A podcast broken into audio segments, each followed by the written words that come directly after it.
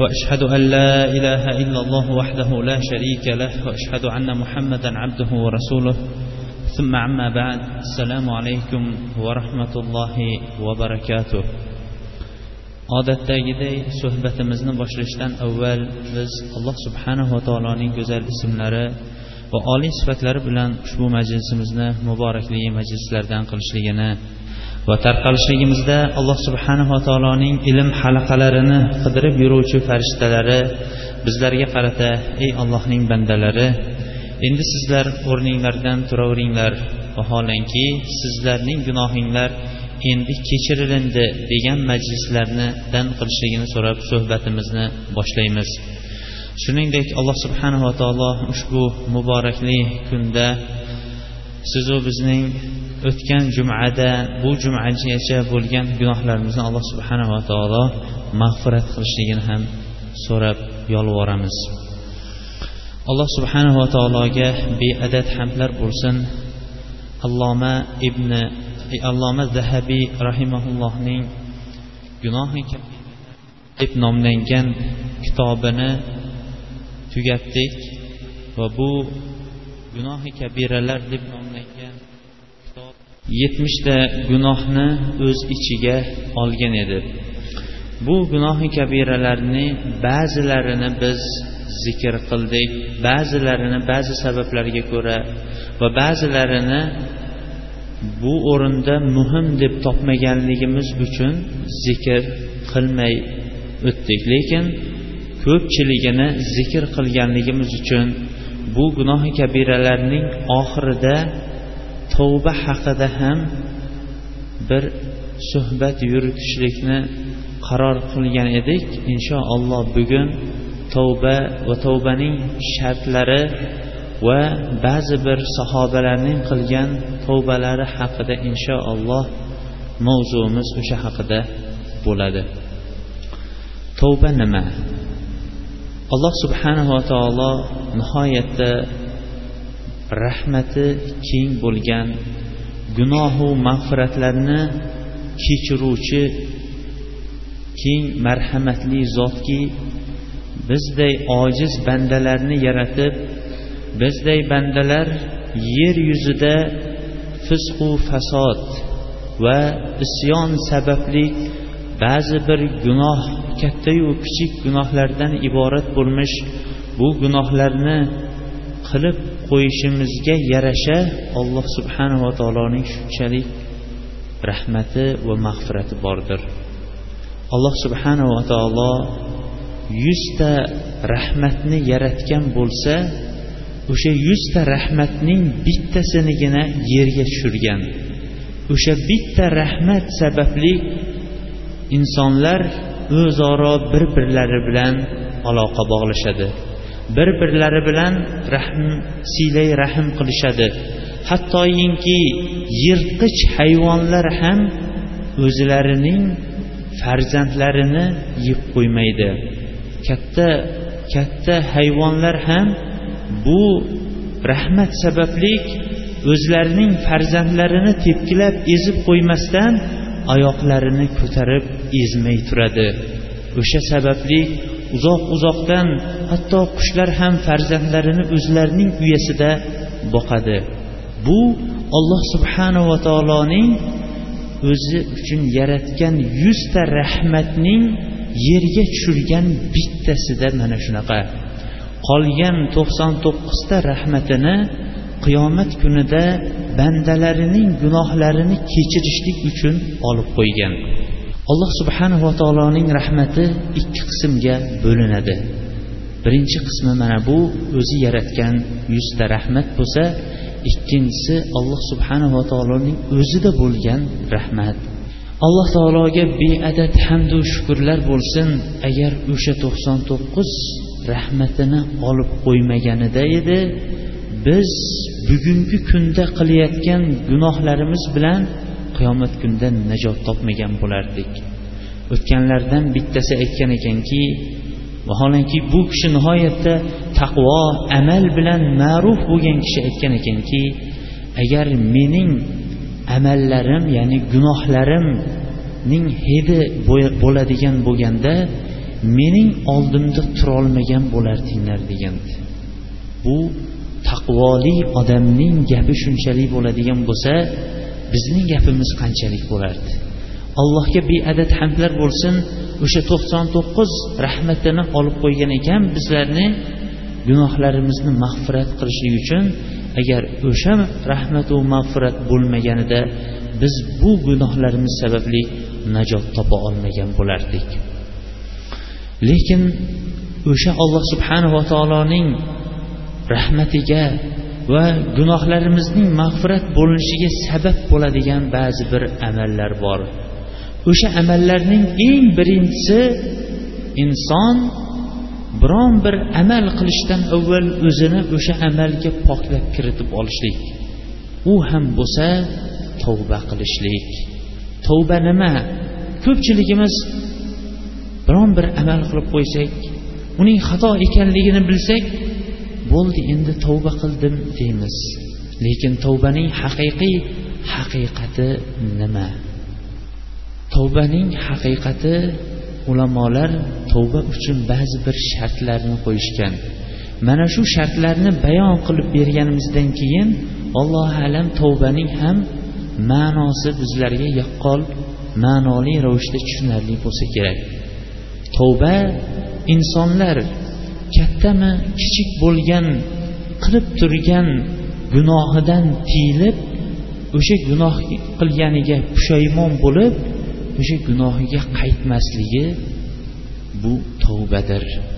Ammo o'sha gunohini qilaverib o'sha gunohining ichiga o'sha gunohga badqogiga botib qolib men endi tavba qildim deyishligi agarchi tili bilan aytayotgan bo'lsa ham lekin amalda ko'rsatib bera olmayotgan tavbadir. Shuning uchun ham ulamolar tavbaning shartlarini qo'ygan. Agar bu qilinayotgan gunoh ikki qismga bo'linadi. Birinchi qismi olloh bilan banda orasida bo'ladigan gunoh. Ikkinchi qismi banda bilan banda orasida bo'ladigan gunoh. Birinchisiga misol masalan aytaylikki bir kishi alloh subhanava taolo farz qilgan namozlarni o'qimaydi. Yoyinki o'z vaqtida o'qimaydi. Alloh subhanava taolo farz qilgan zakotni bermaydi. Ramazon oyida ro'za tutmaydi. Mana bu gunoh kabiralar bular banda bilan olloh orasida bo'ladigan gunoh kabiralar. Ammo banda bilan banda orasida bo'ladigan gunohi kabira masalan ikki kishi qo'shni. Qo'shnilar bir birlarining yerlarini zulm bilan olishligi tarozidan bosib qolishligi yolg'on gapirib molini sotishlik mana bular banda bilan banda orasida bo'ladigan gunohlar. Butun ulamolarning ittifoqi bilan madomiki inson har qanday taqvoli darajaga yetar ekan baribir har qanaqa kishi tavba qilishligi farz ekanligi ulamolar tarafidan ittifoq qilingan amaldir. Demak har qanaqa musulmon kishi men taqvoda namuna bo'ladigan cho'qqiga yetsa ham tavba qilishligi bu kishiga vojibdir. Chunki taqvodorlarning ustozi bo'lmish muhammad ibn abdullah ya'ni payg'ambarimiz sollallohu alayhi vasallam vaholanki bu kishining o'tgan va kelajak gunohlari kechirilishi bilan birga va inni la astag'firu fil yawmi mi'at marra derdilar. Men bir kunda yuz marta alloh subhanava taolodan gunohlarimni mag'firat qilishini talab qilib tavba qilaman derdi. Bu kishining holi shunchalik bo'lar ekan bizning holimiz endi nimani kechar ekan? Shuning uchun ham ulamolarning hammasi ittifoq qilishganki har bir banda kattayu kichik gunohlardan tavba qilishligi vojibdir. Lekin hali biz aytganimizdek bu gunohlar ikki qismga olloh bilan banda orasidagi banda bilan banda orasidagi gunohlar bo'lganligi uchun ulamolar tavbaning shartlarini ham ikki qismga bo'lishgan. Birinchi banda bilan olloh orasida bo'ladigan gunohlarda tavbaning qabul bo'lish shartlarining eng birinchisi inson o'sha qilib turgan gunohidan darrov tiyilishligidir. Demak inson haqiqatdan ham gunohlardan tiyilishga qasd qilar ekan darrov gunohdan tiyilishligi bu tavbasining qabul bo'lishining shartlarining birinchisi hisoblanadi.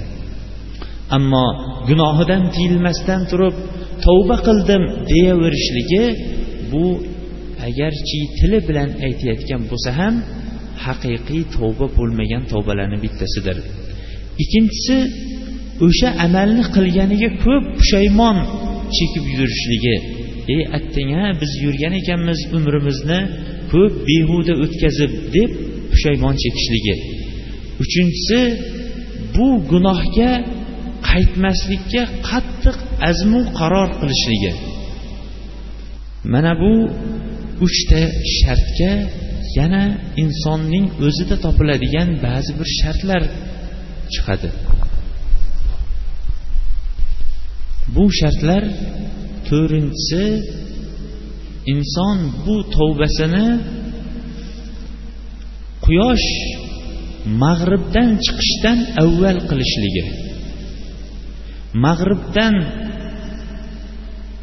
chiqqan kuni qilingan tavba bu qabul bo'lmagan tavba chunki hamma bu kunda tavba qilishligi aniq lekin tavba eshiklari bekilingan kun bo'ladi va u kunda qilingan tavba allohning oldida qabul bo'lmaydigan tavba bu to'rtinchi sharti bo'ladigan bo'lsa beshinchi sharti insonning joni ruhi halqumiga kelishdan avval qilib olmoqligi kerak. Insonning joni chiqish oldidan qiladigan tavba ham buni ko'pchilik qilishligi mumkin. Chunki tavbaga egilmaganlarning otasi bo'lmish fir'avn ham o'lim vaqti kelgan vaqtida men muso va harun va uning qavmining robbisi bo'lmish ollohga iymon keltirdim degan. Shunda ollohdan raddiya kelib al ana endimi? degan javob kelgan edi. Demak insonning tabiatida oxirgi chora qolgan vaqtida hamma narsani qilib ko'rishlikka harakat qilishadi. Shu bobdan tavba qilishlikka lekin u soatda tavba qabul bo'ladigan tavbalar qatoriga kirmaydi. Mana bu banda bilan olloh orasida bo'lgan gunoh xoh katta gunoh xoh kichik gunohlardan qiladi. Qabul bo'lishning sharti bo'lgan shartlar mana shunda beshta. Ammo banda bilan bandaning orasida bo'ladigan gunohlarning tavbasi xuddi tepada zikr qilingan beshta shart ham talab qilinadi. Beshta shartga oltinchi shart qo'shiladi. O'sha zulm bilan olgan molini yoyinki qo'yingki o'sha birodariga o'sha insonga qilgan zulmini o'ziga qaytarib berishlik bu tavbasini allohning oldida qabul bo'lishlikka olib boradigan amal bo'ladi. Masalan bir kishi qo'shnisining yerini zulm bilan bosib olgan edi. Keyin payg'ambarimiz sollallohu alayhi vasallamning kim bir qarich yerni zulm bilan oladigan bo'lsa buning bo'yniga qiyomat kunida yetti qavat yer osib qo'yiladi degan hadisni eshitib turib tavba qildim deydigan bo'lsa oltinchi sharti o'sha bosib olgan yerini qaytarib berishligi shart bo'ladi. Kim birovga savdo qilgan vaqtida tarozidan urgan bo'lsa urgan tarozisining haqqini qaytarib berishligi vojib bo'ladi. Kim yolg'on gapirib turib molini o'zining narxidan teparoq balandroq narxga sotgan bo'lsa o'sha teparoq haqqidan ortiqroq bo'lgan haqqini qaytarib berishligi vojib bo'ladi. Tushunarli bo'lgandira endi shu o'rinda savol tug'ilishligi mumkin. Ko'pchiligimiz umrimizda bu amallarni eshitmagan edik. Biz qirq yilmi ellik yilmi oltmish yilmi bo'lgan umrimiz o'sha vaqtga kelib qolgan vaqtida ollohni tanidik. Ana undan keyin masjidni tanidik. Ana undan keyin tavba nima ekanligini bildik. Ana undan keyin tavba qildik. Biz shuncha o'tgan umrimiz mobaynida ba'zan tarozidan urdik. Ba'zan yolg'on gapirib molimizni sotdik. Lekin ularni biz tanimaymiz degan odamlar ham bo'ldi. Ulardan kelgan mollarni endi nima qilamiz desa ulamolar javob berishganki o'shandan hosil bo'lgan mollarni o'sha egalarining nomidan miskin va faqirlarga sadaqa qilib yuboradi deganlar. Tushunarli bo'ldi. Agar egasi topiladigan bo'lsa egasining o'ziga olib borishi bu avlaroq va birinchi surat. Agar egasi kim ekanligini bilmaydigan va egasi vafot etib ketgan bo'lsa ularning nomidan sadaqa qilib yuborishligi. Ikkinchi savolni yana berishadiki u davrlar o'tib ketdi o'g'lim. U vaqtlarda haqiqatdan ham qo'limiz keng edi. Cho'zadigan joyimizga yetardi qo'limiz.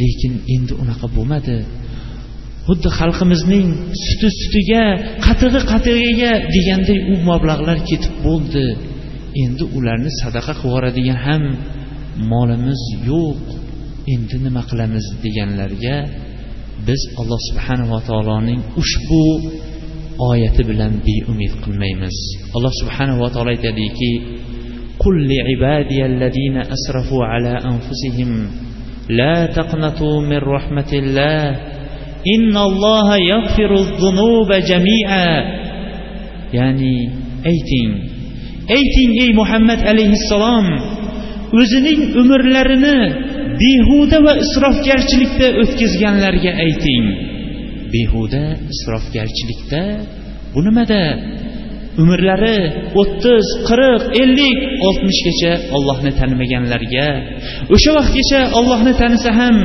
mast qiluvchi ichimliklarni iste'mol qilganlarga yoyinki zino bilan yurganlarga tarozidan urganlarga fahsh munkar ishlarni qilganlarga qo'yingki kattayu kichik gunohlarning hammasiga botganlarga ayting. La taqnatur min rahmatillah. Ollohning rahmatidan beumid bo'lmanglar.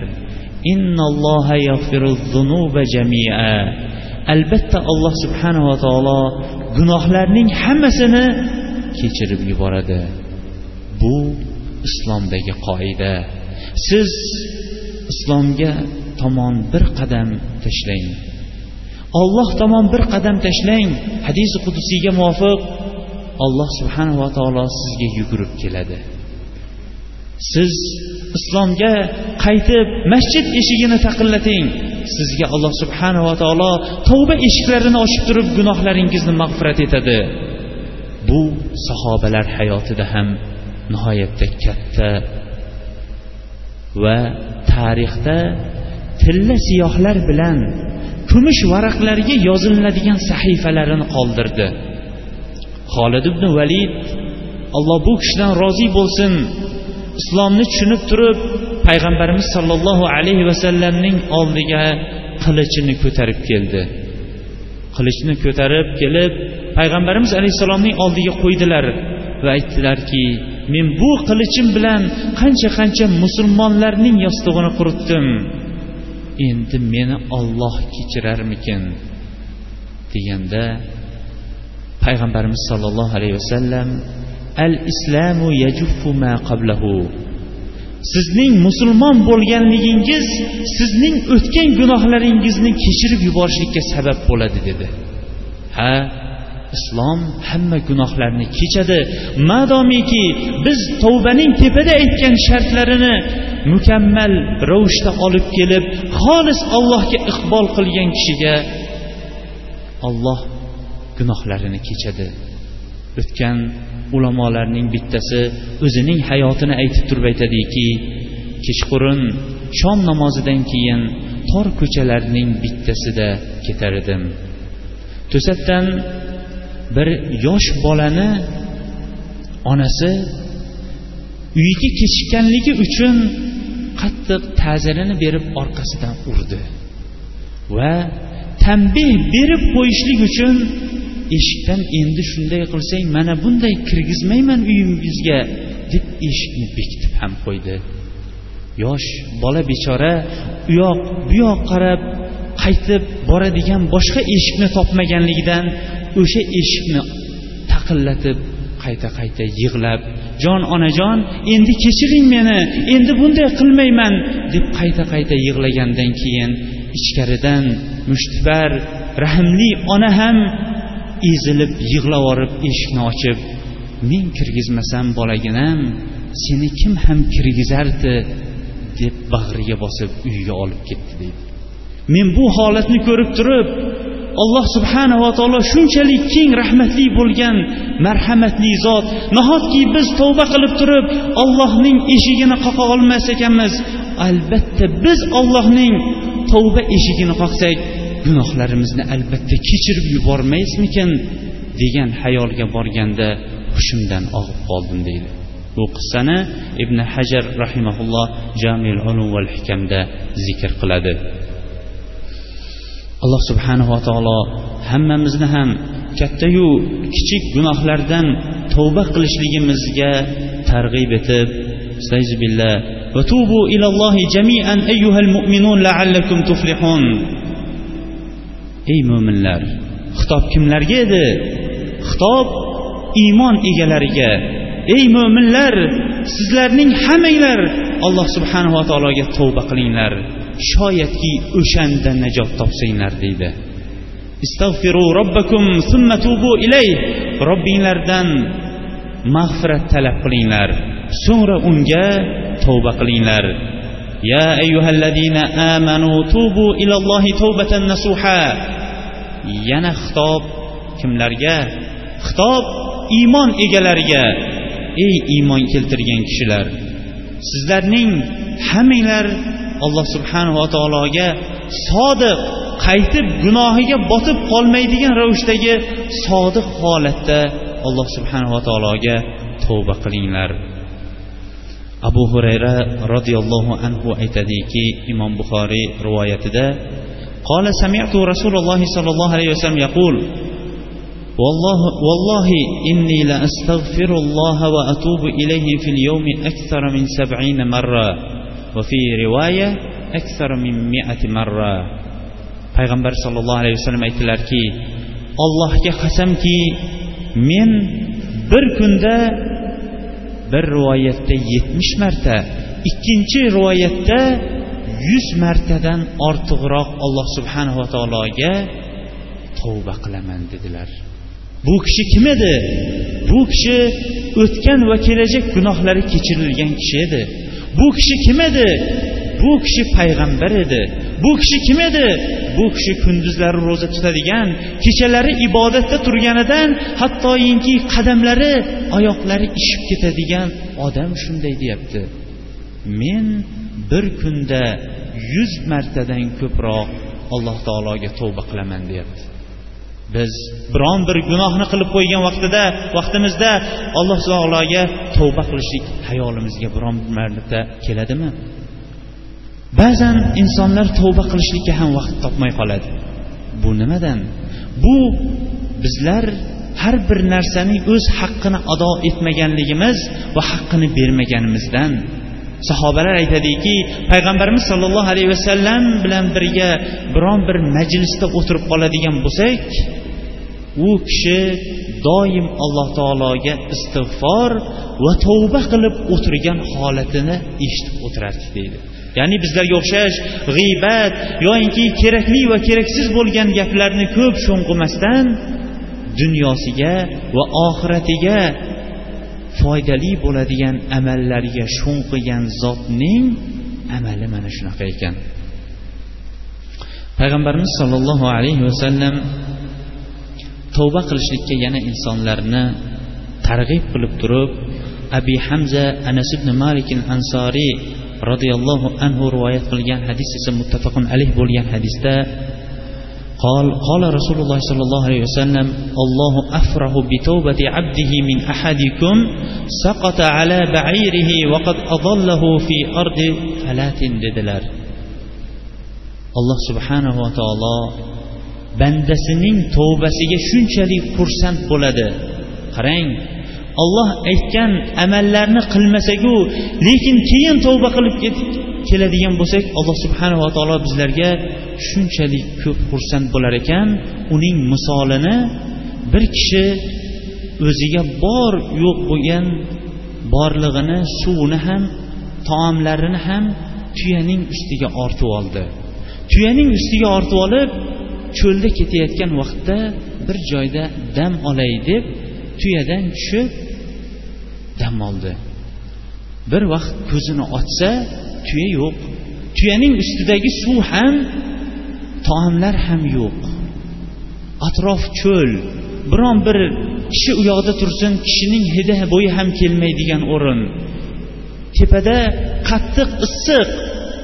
Endi mening yetib kelgan halokatim shu bo'ldi ekanda deb u yoq bu yoqqa qarab o'limdan boshqani kutmay keyin yana ko'zi ketib bunday ko'zini ochib qarasa tuyasi aylanib bosh kelib boshida turgan ekan. Bu kishi qanchalik xursand bo'ladi? Tasavvur qilib ko'ring bir o'lib qayta tirilgan kishidaqa shunchalik ko'p xursand bo'ladi. Payg'ambarimiz sollallohu alayhi vasallam alloh subhanava taoloning bandalar qiladigan tavbasini xuddi mana shu kishidan ko'ra ham alloh subhanava taolo ko'proq xursand bo'ladi bandalarining tavbasidan dedilar. Bu oyat talabat ibn abdurahmon roziyallohu anhuning qilgan tavbasi bilan shoyat ko'pchiligimiz ta'sirlanib shoyatki tepada zikr qilgan ibn zahabiy rahimaullohning kitobidagi gunoh kabiralardagi ba'zi bir gunohlardan ajab emaski tavba qilib qolsak. Ibn hajar rahimaulloh hilyatil avliyo va isoba kitoblarida va boshqa ulamo va muhaddislar ham o'zlarining kitoblarida zikr qilishgan. Payg'ambarimiz sollallohu alayhi vasallamning oldidagi insonlar har xil tabaqadagi insonlar edi. Ba'zilari yoshlari keksayib qolgan bo'lsa ba'zilari yosh yoshlari nihoyatda yosh. Ba'zilari oq tanli bo'lsa ba'zilari qora tanli. Ba'zilari boylar bo'lsa ba'zilari kambag'al va qullardan iborat edi. Payg'ambarimiz alayhissalom olib kelgan din insonlarni millatchilikka to'da to'da bo'lishlikka irqchilikka va saf saf va firqachilikka olib kelgan din emas edi. O'sha payg'ambarimiz alayhissalom oldida o'tirgan sahobalarning bittasi salabat ibn abdurahmon degan sahoba edi. Bu sahobaning yoshi hali o'n olti yoshdan oshib ketmagan edi. E'tibor bering o'n olti yoshdan hali oshmagan sahoba ba'zilarimiz farzandingiz namoz o'qiydimi desa yo'q hali yosh deymiz. Yoshi nechida desa yaqinda menga shunaqa dedi. Hali yosh endi yoshi yigirma birda deydi. Bu sahobaning yoshi hali o'n oltidan oshmagan edi deydi. Payg'ambarimiz sollallohu alayhi vasallamning odatlaridan edi agar biron bir ish chiqib qoladigan xizmat bo'ladigan bo'lsa atrofidagi o'tirgan sahobalarga buni taqsimlab berishlik. Bir kuni bir ish bo'lib qoldida payg'ambarimiz sollallohu alayhi vasallam salaba roziyallohu anhuni mana shu ishga buyurdilar. Salaba roziyallohu anhu payg'ambarimiz sollallohu alayhi vasallamning bu buyrug'ini bajarishlik uchun ko'chalardan o'tib ketardi. Ketayotgan vaqtda to'satdan ansorlarning eshigiga ko'zi tushdi. Biz takrorlaymiz to'satdan ansorlarning eshigiga ko'zi tushdi. U vaqtdagi eshiklar hozirgi vaqtdagi unaqa temir eshiklar emas edi. Bu bir parda tortilib qo'yardi xolos agar pardani topishsalar. Parda kelgan shabada sababli ko'tarildi.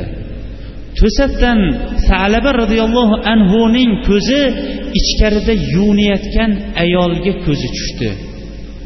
Takror aytamiz to'satdan ko'zi tushdi. Keyin darrov o'zlariga qaytdilar. Ya'ni ko'zlarini olib qochdilar va aytdilarki holingga boy bo'lsin ey salaba seni rasululloh sollallohu alayhi vasallam o'zining ishi bilan bir joyga jo'natar ekanu sen hali odamlarning avratini ko'rib yurasanmi dedi. Ana undan keyin allohga qasamki yo alloh subhanava taolo meni men haqimda bir oyat nozil qiladi. Yo payg'ambarimiz sollallohu alayhi vasallam meni munofiqlar qatoriga qo'shib qo'yadi deb qo'rqib ketdilarda darrov makka va madina oralaridagi tog'larning bittasiga qarab ketib qoldilar. Vaqt o'tdi. Salaba roziyallohu anhu keladigan vaqt o'tdi. Lekin salaba roziyallohu anhu kelmasdi. Payg'ambarimiz sollallohu alayhi vasallam sahobalarga ey umar ey usmon boringlar salaba kelmay qoldiyu salabaning holidan xabar olinglar dedi. Ular madina ko'chalarini qidirib chiqishdi. Lekin salaba roziyallohu anhudan hali xabar yo'q edi. Xabarni ya'ni salaba roziyallohu anhu madinada yo'qligini xabar berishganidan keyin oradan yana kutishlik bilan bir kun ikki kun uch kun o'tdi. Payg'ambarimiz sollallohu alayhi vasallam atrofidagi odamlarni unutib qo'ymasdilar. U kishi yana ey umar ey usmon ali boringlar salabani xabarini olinglar atrofga qaranglar dedi. Ya'ni madinaning tashqarisiga endi qaranglar dedi. Har bir zamonda va har bir vaqtda o'ziga tegishli bo'lgan bir ilm bo'ladi.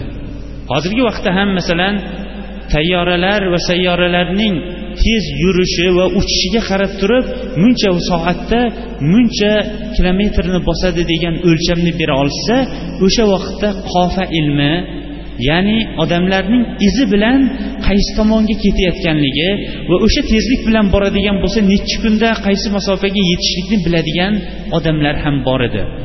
O'shanaqa odamlarning bittasi salaba roziyallohu anhuning izidan bu makka tomonga qarab ketganligini aytib berdi. Sahobalar salaba roziyallohu anhuni makka tomonga qarab qidirib ketdilar. Yo'lda tuya boquvchi bir arobiyga uchradi va biz mana bunday bunday sifatdagi odamni qidiryapmiz. Siz ko'rmadingizmi? deganda aytdiki sizlar kim haqida so'rayotganinglarni bilmaymanu. Lekin men yaqinda mana bu bizga kelgan bir yigitni uchratdim. Bu yigit kechayu kunduz mana bu tog'ning tepasida o'tirib yig'laydi. Kechqurun kelib bizdan sutni ozgina sut beramiz o'sha sutni ichib yana toqqa chiqib yig'lab o'tiradigan bir yigit paydo bo'lib qoldi dedi. Sahobalar darrov sergak tortishib bu yigitning tushadigan vaqtini bilib olishdi va o'sha vaqtni kutib turishdi. Shom vaqti o'tganidan keyin ularning sifat sifatlashi xuddi suvga tushgan palapon kabi bir yigit boshini quyi solib tog'dan tushib kelar edi. Qarasalar bu salaba roziyallohu anhu edi. Pastga tushganidan keyin darrov ular bir hujum bilan salaba roziyallohu anhuni ushlashdi. Salaba roziyallohu anhu darrov qo'rqib ketib evoh meni qayoqqa olib ketyapsizlar? Men haqimda oyat tushdimi? Yoinki payg'ambarimiz sollallohu alayhi vasallam meni munofiqlardan dedimi? dedi. Yo'q bu haqida biron narsani bilmaymiz. Lekin rasululloh sollallohu alayhi vasallam sizni so'rayapti deyishdi. Qo'yinglar meni. Men mana shu tog'da tavba qilgan holimcha o'tay deganiga qaramasdan uyiga olib keldilar. Madinaga yetgan vaqtida ancha vaqt kech bo'lgan va salaba roziyallohu anhuning holati og'irlashib qolgan edi. Shuning uchun ham to'g'ri uylariga olib keldi va payg'ambarimiz sollallohu alayhi vasallamga xabar berishdi. Payg'ambarimiz sollallohu alayhi vasallam nihoyatda rahmli zot edilar. Kech bo'ldi ertalab ziyorat qilaman demadilar. Darrov o'rinlaridan turib salaba roziyallohu anhuning uyiga eshik qoqib kirdi va boshlariga o'tirib salaba roziyallohu anhuning boshlarini ko'tarib sonlariga qo'ydilar. Salaba roziyallohu anhu ya rasululloh bu gunohlarga to'lib ketgan boshni o'zingizning muborak soningizdan oling ko'taring dedi. Rasululloh sollallohu alayhi vasallam yo'q unday demang. Dedilar. Va salaba roziyallohu anhuning holati og'irlashib qoldi. Shunda ya salaba ey salaba nimani sezyapsiz? dedi. Men hozir badanimda bir qora qumursqa yurayotganini sezyapman deganda rasululloh sollallohu alayhi vasallam. Haqiqatdan shuni sezyapsizmi? dedilar. Ha haqiqatdan shuni sezyapman deganda unday bo'lsa talaba sizga o'lim kelibdi dedi. Va o'sha o'rinda vafot etdilar. Rasululloh sollallohu alayhi vasallam o'zlari yuvdilar va kafanladilar va sahobalar bilan janozasini o'qidilar va qabriston tomonga olib borardi. Payg'ambarimiz sollallohu alayhi vasallam oyog'ining uchi bilan zo'rg'a xuddi bir nihoyatda qattiq zichlik ichida yurganday oyog'ini zo'rg'a qo'yib yurardi. Bundan ajablangan umar roziyallohu anhu yo rasululloh sollallohu alayhi vasallam ha yer kengku nimaga qisilyapsiz bemalol yursangiz erkin yursangiz bo'lmaydimi? deganda voy haka umar holingizga voy bo'lsin ey umar holingizga voy bo'lsin ey umar agar salabaning janozasiga qatnashayotgan farishtalarning sonini bilganingizda edi siz ham oyog'ingizni yerga qo'ya olmas olmagan bo'lardingiz dedi. Mana bular haqiqiy tavba qilgan. Lekin nimaga tavba qilgan? Endi hadisga bir e'tibor beraylik. Yoshlari hali o'n oltidan oshmagan. Yigitlik ayni yigitlik davri! Uning ustiga qilayotgan ishi gunohmidi? Qasddan pardani ochib ko'rganmidi? Qasddan qo'liga o'sha bizning vaqtdagi televizorning kanallarini ko'rsatib beradigan kanalma kanal ko'rsatib beradigan o'sha apparaturani qo'yib olib kanalma kanal yalang'och ayollarni qidirib yurganmidi? Yo'q. Yo'q qasddan parda ko'tarilgan edi. Albatta beqasd parda ko'tarilgan edi shamol sababli va beqasd ko'z tushgan edi. Beqasd tushgan ko'zni ham ko'rishlikda davom etib turmasdan darrov olgan edi. Bu aslidachi gunoh hisoblanmas edi. Bugungi kunda bizlar yalang'och bo'lgan suratlarni ko'rsak ham kattayu kichik bo'lgan boshqa gunohlarni qilsak ham payg'ambarimiz sollallohu alayhi vasallam aytmoqchi agar munofiqning biron bir munofiq biron bir gunoh amal qilib qo'yadigan bo'lsa xuddi pashsha qo'nganday qo'lini erkin silkitib o'tib ketadi degan ravishda bunidan ham gunoh qilish kerakmikan tavba qilish kerakmikan? deb o'tib ketadigan bir odamlarga aylanib qoldik. Salaba roziyallohu anhu payg'ambarimiz sollallohu alayhi vasallamdan qo'rqqan narsasi nima edi? Alloh taolo men haqimda biron bir oyat tushiradi yoki munofiqlardan deb sanab qoladi degan. Endi savol berib ko'raylik. Biron bir gunoh qilgan vaqtimizda va o'sha gunohimizni o'zimiz sezmay qolayotgan vaqtimizda qalbimizga iymonimizga nifoq kirib ketayotganligidan va nifoq kirib qolayotganligidan qo'rqqan kunimiz bo'lganmi? Salaba roziyallohu anhu payg'ambarimiz alayhissalom kelgan vaqtida ey rasululloh boshingizni gunohlar to'lgan soningizni gunohlar to'lgan boshdan yiroqlating dedilar. U kishining gunohi gunohmidi bizning gunohlarimiz oldida?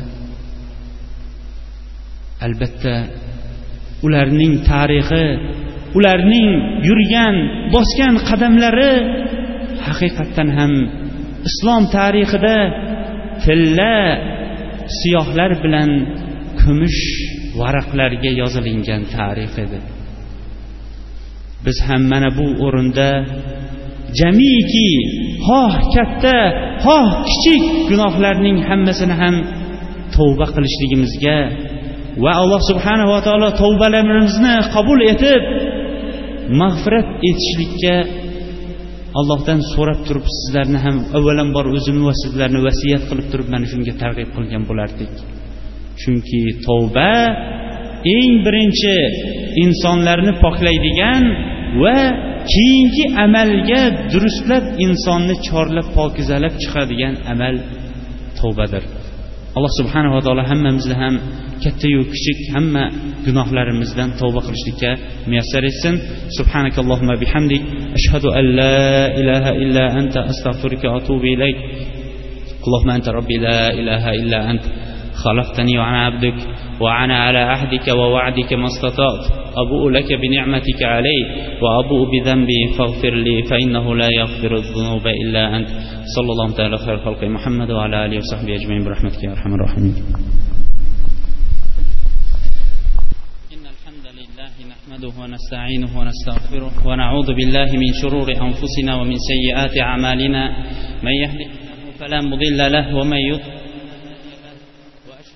إله إلا الله وحده لا شريك له وأشهد أن محمدا عبده ورسوله. ثم عما بعد. در حقيقة inson uchun berilingan bu hayot payg'ambarimiz sollallohu alayhi vasallamning xabariga ko'ra u kishining ummatiga berilingan hayot oltmish bilan yetmishning orasida agar o'sha hayot berilingan bo'lsa lekin insonlar bu hayotdan turli ravishda va turli suratda o'tadilar. Tepadagi salabat ibn abdurahmonning hayotlari va hayoti qanday yakunlangani mana o'n besh asrdan keyin ham zikr qilinyapti. Ba'zi insonlar hayotdan o'tadi va u kishi hayotdan o'tganligi sababli ham insonlar ham jonivorlar rohatlanishadi. Lekin ba'zi insonlar hayotdan ko'z yumadigan bo'lsa nafaqat insonlar balki jonivorlar ham unda qalblari ezilib qiynalishadi. Darhaqiqat bu hayot qisqa hayot lekin hayotni nimada o'tkazyapmiz? Endi bir tafakkur qilib mana shu o'rinda bir nuqta to'xtab turib hayot haqiqatdan ba'zan insonga yigirma o'ttiz qirq ellik u yog'ichi kim o'zining hayoti yetmishgacha saksongacha qirqgacha bora olishlikka kafforat bera oladi. Kimning qo'lida siz falon yoshgacha yashaysiz degan qog'oz bor. Buni kim tasdiqlagan? Madomiki tavba quyosh mag'ribdan chiqishlikdan avval va jon holqumiga kelishlikdan avval qabul bo'lar ekan. Tavba qilishlikka endi bugun shoshilaylik. Vaholanki alloh subhanahu va taolo hamma gunohlarni mag'firat qiluvchi zotdir. Muttafaqun alayh bo'lgan hadisda hadisni abu said sinon ibn malik roziyallohu anhu rivoyat qiladi. Payg'ambarimiz sollallohu alayhi vasallam aytdilarki biz qisqa ma'nosi bilan kifoyalanib qo'yamiz.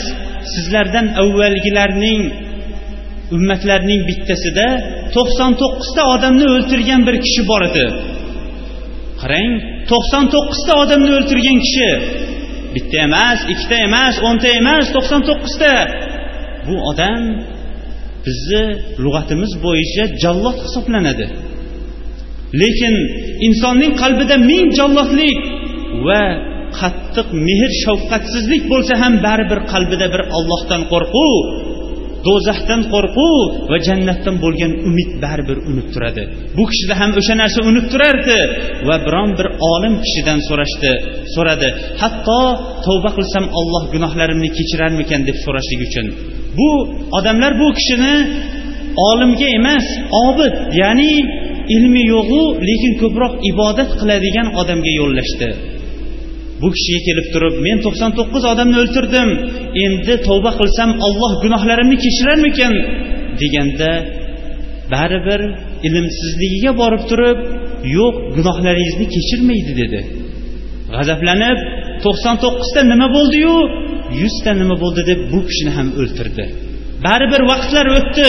Qalbidagi ollohdan allohga bo'lgan qo'rquv jannatdan bo'lgan orzu do'zaxdan bo'lgan qo'rquv yana unib turib bu kishini yana so'raydigan olimga so'rashlikka undadi. Yana so'rashganda buni endi robboniy bir olimga yo'llashdi.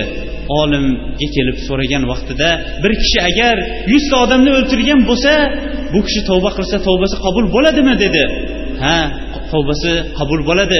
Kim ham olloh bilan bandasi orasidagi tavbani to'sa olardi dedi. Siz bu yeringizdan bu shahardan boshqa shaharga keting falon shaharga keting. Chunki u yerdagi haloyiq allohning o'ziga ibodat qiluvchi haloyiq. Siz yashayotgan shahar esa yomon haloyiq dedi. Bu kishi tavba alloh subhanava taolo tavba qilib allohga iqbol qilgan holatda o'ziga yomon amalga yordam berayotgan shaharini tashlab boshqa shaharga ketdi. Yo'lda alloh subhanava taoloning amri bilan o'lim farishtalari kelib buning jonini oldi. O'lim farishtalari jonini olgan vaqtida jannat farishtalari bilan jahannam farishtalari buning ruhini talashib qolishdi. Jannat farishtalari aytdiki bu endi tavba qilib allohga iqbol qilib kelayotgan edi. Buning ruhini jannatga olib ketamiz desa jahannam farishtalari aytdiki hali tavbasini ado qila olmagan edi. Hali bu shaharga yetmadi dedi. Mana shu o'rinda alloh subhanahu va taolo bularga o'rtasidan bir hakam jo'natdi. Bular aytdiki o'rtada bir kishini hakam qilamiz. Bu nima desa yuramiz dedi. Alloh subhanava taolo bir farishtani odam suratida jo'natib hakam qildi. Va bu kishi aytdiki ikki tomonni o'lchab ko'ring. Qaysi bir shaharga yaqin bo'ladigan bo'lsa bu kishi o'shalardan dedi.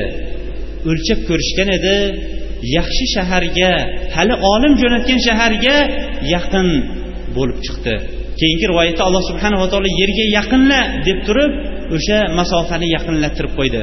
Va bu kishini jannat farishtalari ruhini jannatga olib ketdi.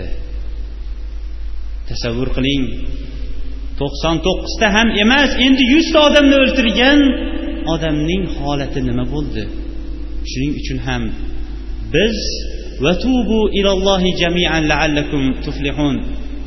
Ey insonlar sizlar hammanglar alloh subhanahu va taologa tavba qilinglar. Shoyatki o'shanda najot topgan qavmlardan bo'lsanglar deymiz.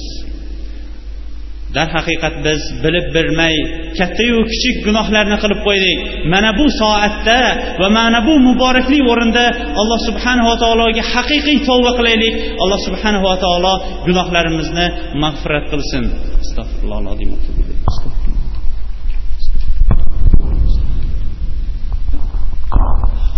alhamdulillah. Vassalatu vassalamu ala rasulilloh وعلى آله وصحبه ومن اهتدى بهديه إلى يوم الدين ثم عما بعد payg'ambarimiz sollallohu alayhi vasallam ummatiga vasiyat qilib va ummatini ehtiyot bo'lishga vasiyat qilgan narsalardan bittasi bu gunohlarni katta gunohlarni kichkina deb yoyinki beparvo o'tib ketmasligidir va shu o'rinda ham biz bugungi mavzumizdan ozgina burilgan holatda modomiki payg'ambarimiz alayhissalomning sunnatiga targ'ib qilsak ham lekin ba'zi bir birodarlarimizning ba'zi amallarni bajarish vaqtida ba'zi bir xato va kamchilik deb agar nomlagan bo'lsak alloh o'zi kechirsin. O'rtada ba'zi bir ixtiloflar chiqib bu masjidda ham ba'zi bir tashvishi shivir shivir va masjidga atrofdan kelayotgan ishoralar bo'lganligi uchun birodarlarimizni yana ogohlantirardik. U ham bo'lsa amin va raful yadayn masalasi. Imom azam rahmatulloh alayh mazhablarida amin ichkarida aytilinadi va raful yadayn esa o'sha umumiy xalqlar ichida abdulloh ibn abbos roziyallohu anhu rivoyat qilgan hadisgagina modomiki mazhab chegaralanar ekan ixtilof chiqmaslik uchun o'shanga chegaralanishligimizning o'zi ham bu o'ylaymanki sunnatdan bo'lsa kerak deb. Qaysi bir masjidda ixtilof kelishmovchiliklar va tafarruq chiqadigan bo'lsa bilinglarki u masjid haqiqiy obod qilingan masjid hisoblanmaydi. U masjidda eng birinchi to'xtaydigan narsa amru ma'ruf. Shuning uchun ham bugun avval ham ko'p aytdik lekin ko'pchilik tushunmadi shekilli. Kim endi abdurofiyning shu yerdagi ma'ruzasi to'xtasin desa bugundan boshlab aminni jahriy aytsin shu masjidda. Agar yo'q amru ma'ruf bo'lib tursin biz bu amalni to'xtatamiz deydigan bo'lsa biz ham amri ma'rufimizni o'sha o'rinda to'xtatamiz. Biz fitnalar bo'lishligi va yoshlarimiz fitnalar sababli fitnadan ham ulug'roq bo'lgan kattaroq fitnalar dinida va iymonida zaiflashib qolishlikni hech ham xohlamaymiz. Atrofda bo'layotgan kelishmovchiliklar hattoki davlatning notinchligi ham mana shu kichkina fitnalardan kelib chiqqan. Payg'ambarimiz sollallohu alayhi vasallam sizlar shoshqaloq qavmsizlar degandilar. Darhaqiqat yoshlarimizning ba'zi bir amallarni qilib qo'yishligi ham bugun biz payg'ambarimiz alayhissalomning o'sha hadislarini takrorlab aytamiz. Butun ulamolar ittifoqi bilan amin jahriy aytilinmagan namoz qabul bo'lmaydigan namoz bo'lmaydi. Butun ulamolar ittifoqi bilan raful yadaynsiz o'qilingan namoz qabul bo'lmaydigan namozlardan bo'lmaydi. Alloh subhanahu va taolo fattaqulloha mastatotum sizlar qodir bo'lganinglarchagina ollohdan taqvo qilinglar deyapti. Sizlar qodir bo'lganinglarcha deyapti. Sizlar ham mana shu o'rinda qodir bo'lgancha allohga taqvo qilinglar. Biz aytamizki sunnatga bo'lgan rag'batinglarni alloh ziyoda qilsin. Lekin qodir bo'lganinglarcha allohdan taqvo qilinglar va o'rtada ixtilof va kelishmovchilikni chiqarmanglar. Biz avvalgi gapimizni yana takror aytamiz. Bu amallarni agar sunnatda vorid bo'lgan sunnat deydigan bo'lsak jamoat bo'lib namoz o'qishlik bir jamoat bo'lishlik musulmonlarning saflari bir bo'lishligi o'rtada firqani chiqarmaslik tafriqa qilmaslik farzdir. Endi farzni tanlaysizmi birodar? Sunnat nima? Men iymonim komilki bu yerda o'tirganlarning hammasi farzni deb aytishgan bo'lardi. Alloh subhanava taolo hammamizni ham qalbimizni birlashtirsin. Xuddi saflarimizni birlashtirganga o'xshash. Alloh subhanava taolo qilgan gunohlarimizni bilib bilmay qilgan gunohlarimizni o'zi kechirib haqiqiy tavba qilishlikka alloh subhanava taolo o'zi muyassar etsin. Ey allohning bandalari mana bu soatda mana bu kunda ko'p payg'ambarimiz sollallohu alayhi vasallam salovat aytishlikka ma'mur bo'lganmiz. Allohumma solli ala muhammad va ala ali muhammad kama sollayta ala ibrohim va ala ali ibrohim innaka majid. Allohumma barik va ala ali muhammad محمد كما باركت على إبراهيم وعلى آل إبراهيم إنك حميد مجيد. اللهم أعز الإسلام والمسلمين وأذل الشرك والمشركين. اللهم يا رب المستضعفين نجل المستضعفين في العالم. اللهم أرنا الحق حقا وارزقنا اتباعه وأرنا الباطل باطلا وارزقنا اجتنابه. اللهم تقبل توبتنا اللهم تقبل توبتنا اللهم تقبل توبتنا. اللهم انشر سنتك واجعلنا سببا فيه. صلى الله تعالى خير خلق محمد وعلى آله وصحبه أجمعين. برحمتك يا أرحم الراحمين.